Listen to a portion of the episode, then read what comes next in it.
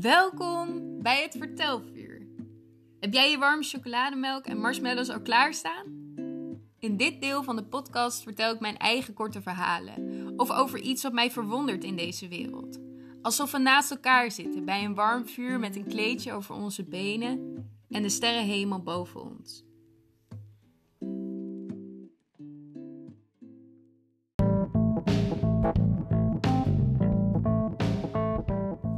Deze kant op, bitches! Vandaag hangt mijn zonnebril op een puntje van mijn neus. Een oversized Adidas jack hangt over mijn schouders, waardoor mijn neonroze bralet goed kan afsteken tegen mijn witte huid. M&M dreunt in mijn oren vandaag. Zo hard dat het weer kaatst tegen de bomen. Al vanaf dat ik klein was, breng ik de koeien naar de wei. Nu volgen ze me overal. Eerst liep ik met mijn vader in de juiste boerenstijl, met grote lompe laarzen, die eigenlijk altijd na een paar weken te klein werden. Ik groeide op als kool. Mijn kast zit vol met kleding van alle leeftijdscategorieën, maar alles ruikt hetzelfde. Naar mest, dat wordt gebruikt om het gras te laten groeien in de wei. Hoe harder het gras groeit, hoe meer de koeien hebben om te eten. De weg naar onze wei is lang, of nou ja, onze wei is eigenlijk helemaal niet van ons. Karel van de Hoek is inmiddels een oude man die vroeger ooit paarden hield voor het schoonspringen. Een specifieke sport waar veel geld in valt te verdienen, wat Karel dus ook deed. Lange tijd was hij de beste paardenfokker uit de wijde omgeving. Vroeger, toen ik naar de basisschool fietste, kon ik de glinsterende vachten van de immense zwarte paarden bewonderen. Karel borstelde ze iedere dag. Maar het echte geheime ingrediënt zit in het gras, zei hij altijd. Op vrijdagavond in de dorpskroeg zat Karel altijd op de middelste stoel aan de bar. Een echte allemansvriend. Hij kon glansrijk praten over koetjes en kalfjes, de laatste roddels en het weer, maar nooit over zijn geheime ingrediënt van het gras. Meermaals heeft men geprobeerd Karel dronken te voeren, in de hoop dat hij loslippig zou worden. De gierige luisteraars hingen aan zijn lippen en sijpelden verspreid over de avond een hele fles wodka leeg in zijn maag. Maar Karel hield zijn mond over het gas. Nu is Karel vergane glorie. Afgelopen zomer ging hij met pensioen. Karel had één paard waar hij trots op was: de nachtmerrie. Zo diep zwart glanzend dat als je haar in de nacht tegen zou komen, slechts het maanlicht zou reflecteren op de schim. Het scheen dat de nachtmerrie zelfs in Karels bed mocht slapen. Ondanks al deze liefde en verwennerij ging afgelopen zomer de hoogste bieder met de nachtmerrie er vandoor. Vier weken lang was Karel niet in de dorpskroeg te vinden. Toen hij uiteindelijk wel weer op de middelste barkruk neerplofte, vroeg zelfs Gert de Slager aan Karel waarom hij in godsnaam de nachtmerrie had verkocht. Karel noemde het stoppen op je hoogtepunt. Maar toen was er dus een wei met perfect gras, wat niet meer werd gebruikt. En stiekem wilde Karel niet ook nog zijn laatste trots in de steek laten. Echter, om het gras in ultieme conditie te houden, moet er gegaasd worden. Dus besloot mijn vader, slim als hij was, een deal te sluiten met Karel. Als Karel het gras zou bemesten, zouden onze koeien begazen.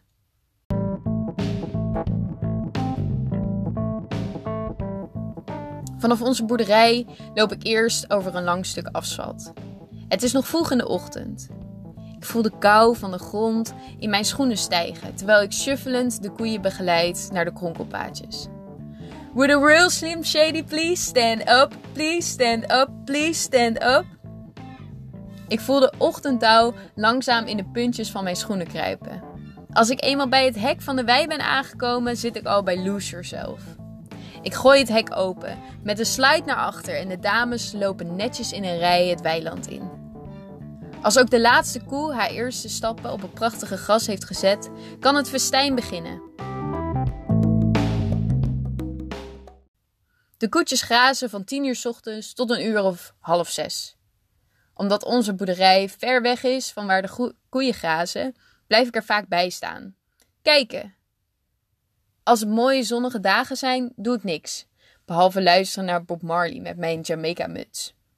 Maar als het regent, leg ik een muziekbox met de paperkites tussen de spaken van mijn paraplu. Vandaag heb ik, ondanks de zon, toch een boek meegenomen. Maar niet zomaar een boek. Dit boek is mijn postzegelverzameling. Ik weet het nog goed. Koninginnedag. 15 jaar geleden. Ik en mijn oma op jacht naar de meest aparte, oude of zeldzame postzegels. Zo bijzonder hoeveel, men, hoeveel kunst men kwijt kan op zo'n klein oppervlak. Van volledige landschappen tot portretten, kerstbomen en rendieren. Maar mijn favorieten blijven de bloemenpostzegels. Niet van die oudbollige natuurfoto's, maar van die klassiek getekende. Toen mijn oma nog een klein meisje was, hingen die getekende bloemen in het groot bij haar in het klaslokaal. Na het buitenspelen op dinsdagmiddag gaf de juf biologieles. Mijn oma vertelde over hoe de juf de kast opentrok en alle posters de voornschijn haalde. De stelen, de bladeren, het gros van de bloemen lijkt op elkaar, maar toch is ieder blaadje uniek. Het is midden op de dag en de zon staat hoog. Ik spiek tussen mijn pagina's naar hoe Bertha 33 Gerda 65 omverduwt om bij het perfecte halmpje gras te komen.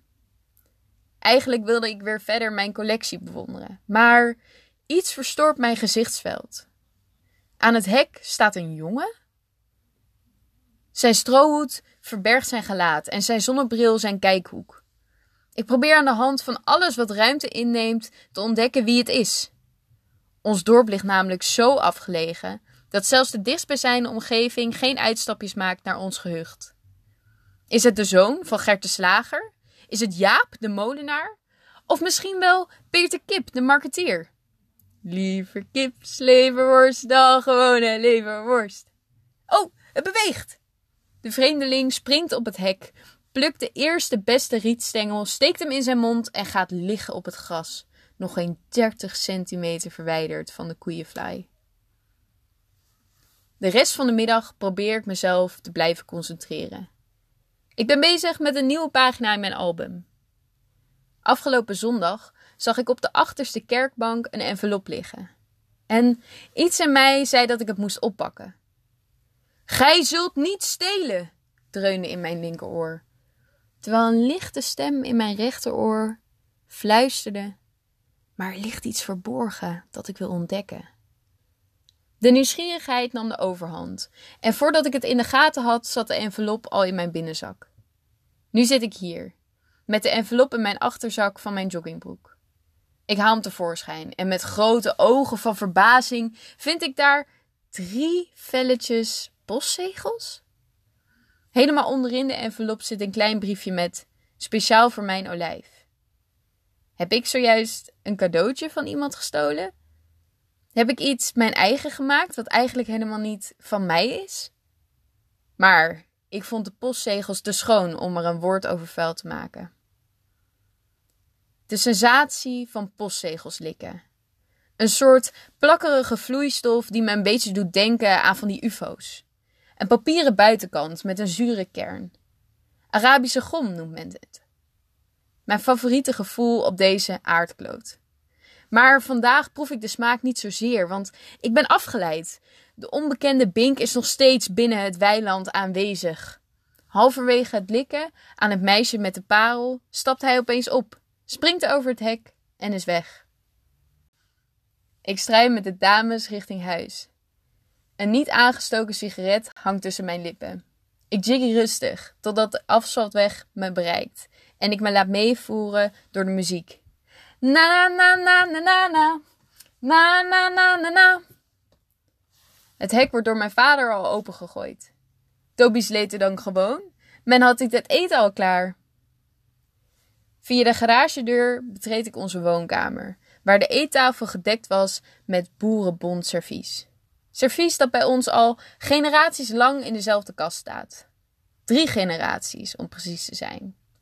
Mijn overgrootopa kocht de boerderij. Nog voor slechts 200 gulden. Een godsfortuin toen der tijd. Hij kocht er gelijk een grote bruine kast bij, gevuld met al het boerenbondservies dat overgrootoma in de wijde omgeving kon vinden. Nu drie generaties later is het servies nog steeds aanwezig. Maar Nu staat er ook een snoeppot boven op de kast, waar wij als kinderen nooit bij konden komen. Met hoeveel stoelconstructies we het ook probeerden. Mijn moeder zet drie pannen op tafel. Twee hoge en één braadpan, waar je de jus nog in kan horen pruttelen. Aardappels, vlees, groenten. De klassieker. Vanavond heeft mijn moeder twee verschillende groentes bereid. Wat als een nieuw fenomeen beschouwd kan worden. Broccoli met tomaatjes toegevoegd aan de jus. Gehaktballen volgens het geheim receptuur. Het zijn beschuitkruimels. Dat heb je niet van mij, hè? En ditmaal gestoomde aardappels met schil. Iets wat mijn moeder bij de Weight Watchers heeft geleerd. Het is vandaag een dinsdagavond. Wat betekent dat mijn moeder weer even langs is geweest voor haar wekelijkse controle. We bidden nog even voor het eten, voordat mijn moeder losbarst in woorden zonder betekenis. Karin van Bert de Bakker durft haar kastje aan chocoladekoekjes maar niet te legen. Nou, zo komt ze natuurlijk nooit van die kilo's af. Ja, maar Thea was wel erg trots op mij. Ik kook tegenwoordig met olijfolie in plaats van roomboter, Jan. En ik merk echt dat het helpt. En nog steeds even smakelijk, hè, lieverd? Mijn moeder zegt het, terwijl ze met haar ogen knippert naar mijn vader. Een man van weinig woorden. Een instemmend knikje is voldoende antwoord. Toen er eindelijk werd gevraagd naar mijn dag, hield ik het kort. Ik wilde de vreemdeling die praktisch gezien nog nooit heb ontmoet, nog even in mijn eigen hoofd houden. Zo blijft het mijn mysterie, mijn avontuur. Na het eten blijft het gewoonlijke Mona-punnetje uit. Mijn moeder wil haar punten sparen voor een schepje suiker in haar koffie. Uiteraard begrijpelijk. Ik trek me terug naar de schuurzolder. Aan tafel vertelde mijn vader over hoe hij de stallen volledig had schoongespoten. Het ruikt er nu een stuk frisser. Fris genoeg voor mij om er ruim twee uur in weg te trekken. Mijn album zit in mijn rugzak, die ik bij de zolder langs de grote houten trap omhoog gooi. In de voorpagina zit een gleuf, waar ik nu briefpapier in heb gestopt. Normaal schrijf ik geen brieven. Ik ben ontiegelijk slecht met woorden. In de schoolbanken kreeg ik altijd taal- en spellingstoetsen terug met zware onvoldoendes. Maar ik voelde ook een soort schuldgevoel, want ik heb een hele bundel aan postzegels zonder ook maar één brief te hebben geschreven. De vreemdeling heeft iets in mij wakker gemaakt. De drang om iets te schrijven. Lieve woorden die van de pagina fluisteren. Hoe bijzonder ik zijn verschijning in mijn weidje met koetjes vond. Ik kan de woorden niet vinden. Ik kan mijn gevoel niet realistisch aftekenen. Te tekenen! Tekenen! Plots verschijnt er een beeld in mijn hoofd van het weiland en de vreemdeling in abstracte figuren. Vierkanten, rechthoeken, cirkels en driehoeken. Ik besluit alles wat ik voel uit te tekenen. In mijn vormgeving gebruik ik primaire kleuren, want wat ik voel is primair. Een soort wilde oerlust met een brandend gevoel naar het onbekende. Als het af is, vouw ik de pagina netjes op en stop hem in mijn envelop. De rand lik ik met passie af, waarna ik mijn favoriete postzegel langs mijn tong haal. Het melkmeisje. Uit mijn nieuwe collectie. Ik stop de envelop ongeadresseerd in de gleuf van mijn postzegelalbum.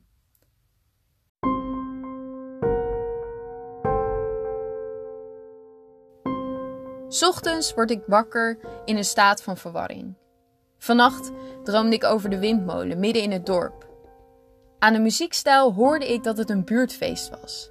En iedereen was er, maar niemand zag me.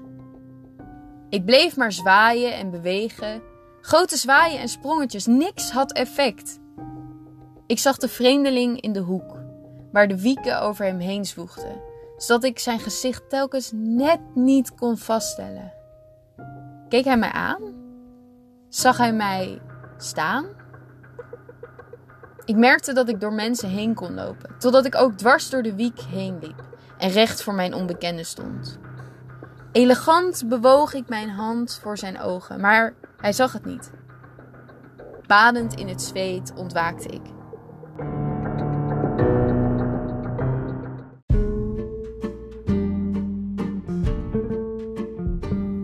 Ik sta voor mijn spiegel en kan mijn borstelen met klitten gevulde haren. I say a little prayer for you. Het lied kruipt in mijn hoofd, als een muis op zoek naar kaas. Grote krulspelden draai ik in mijn haar en zet ik strak tegen mijn hoofdhuid. Ik voel de warmte. Terwijl ik in mijn havermouw pap roer, merk ik dat de krulspelden klaar zijn om eruit gehaald te worden. Ik toepeer mijn haar hoog. Terwijl ik de koeien uit de stal haal, neurie ik rustig verder. Deze kant op, mijn loofs. Ik wals door de ruimte. Mijn lange rok raakt de dauw van het gras, door de kronkelende paadjes die ik volg naar het weiland. Vandaag is het heerlijk weer. De koeien lopen door een soort mist het weiland in. Midden op de dag staat de zon hoog en te branden op de nog lege pagina's van mijn postzegelalbum. Mijn jurk is inmiddels alweer opgedroogd. En net als ik mijn oortjes in wil doen voor Sitting on the Dock of the Bay, komt plotseling een vreemdeling weer binnenwandelen. Hij springt over het hek en gaat zitten. Ik probeer te verbloemen dat ik hem al lang heb gezien door mijn blink af te wenden naar het grote weiland.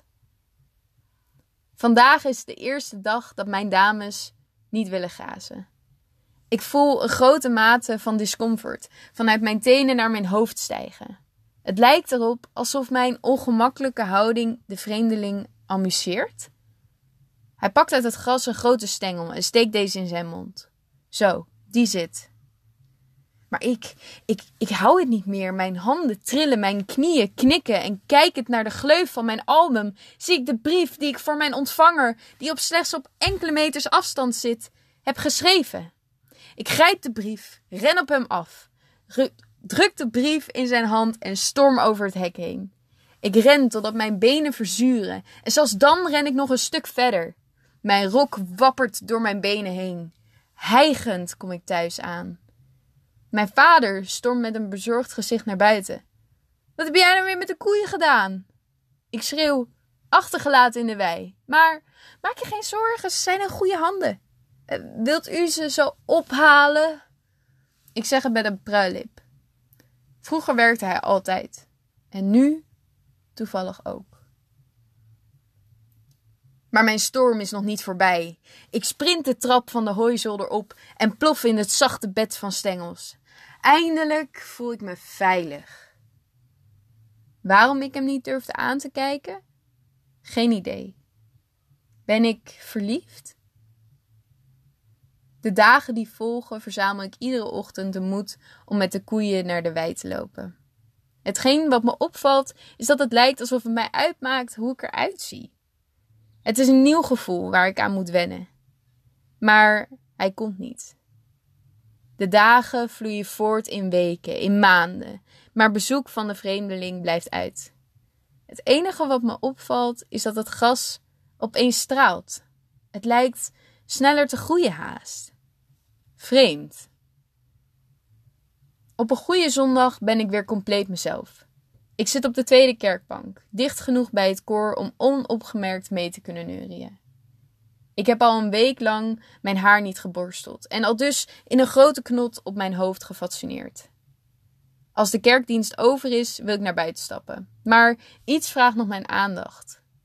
De envelop op de achterste bank. Ik kan niet wachten totdat ik op de hooizolder ben, dus ik scheur het direct buiten de kerk open.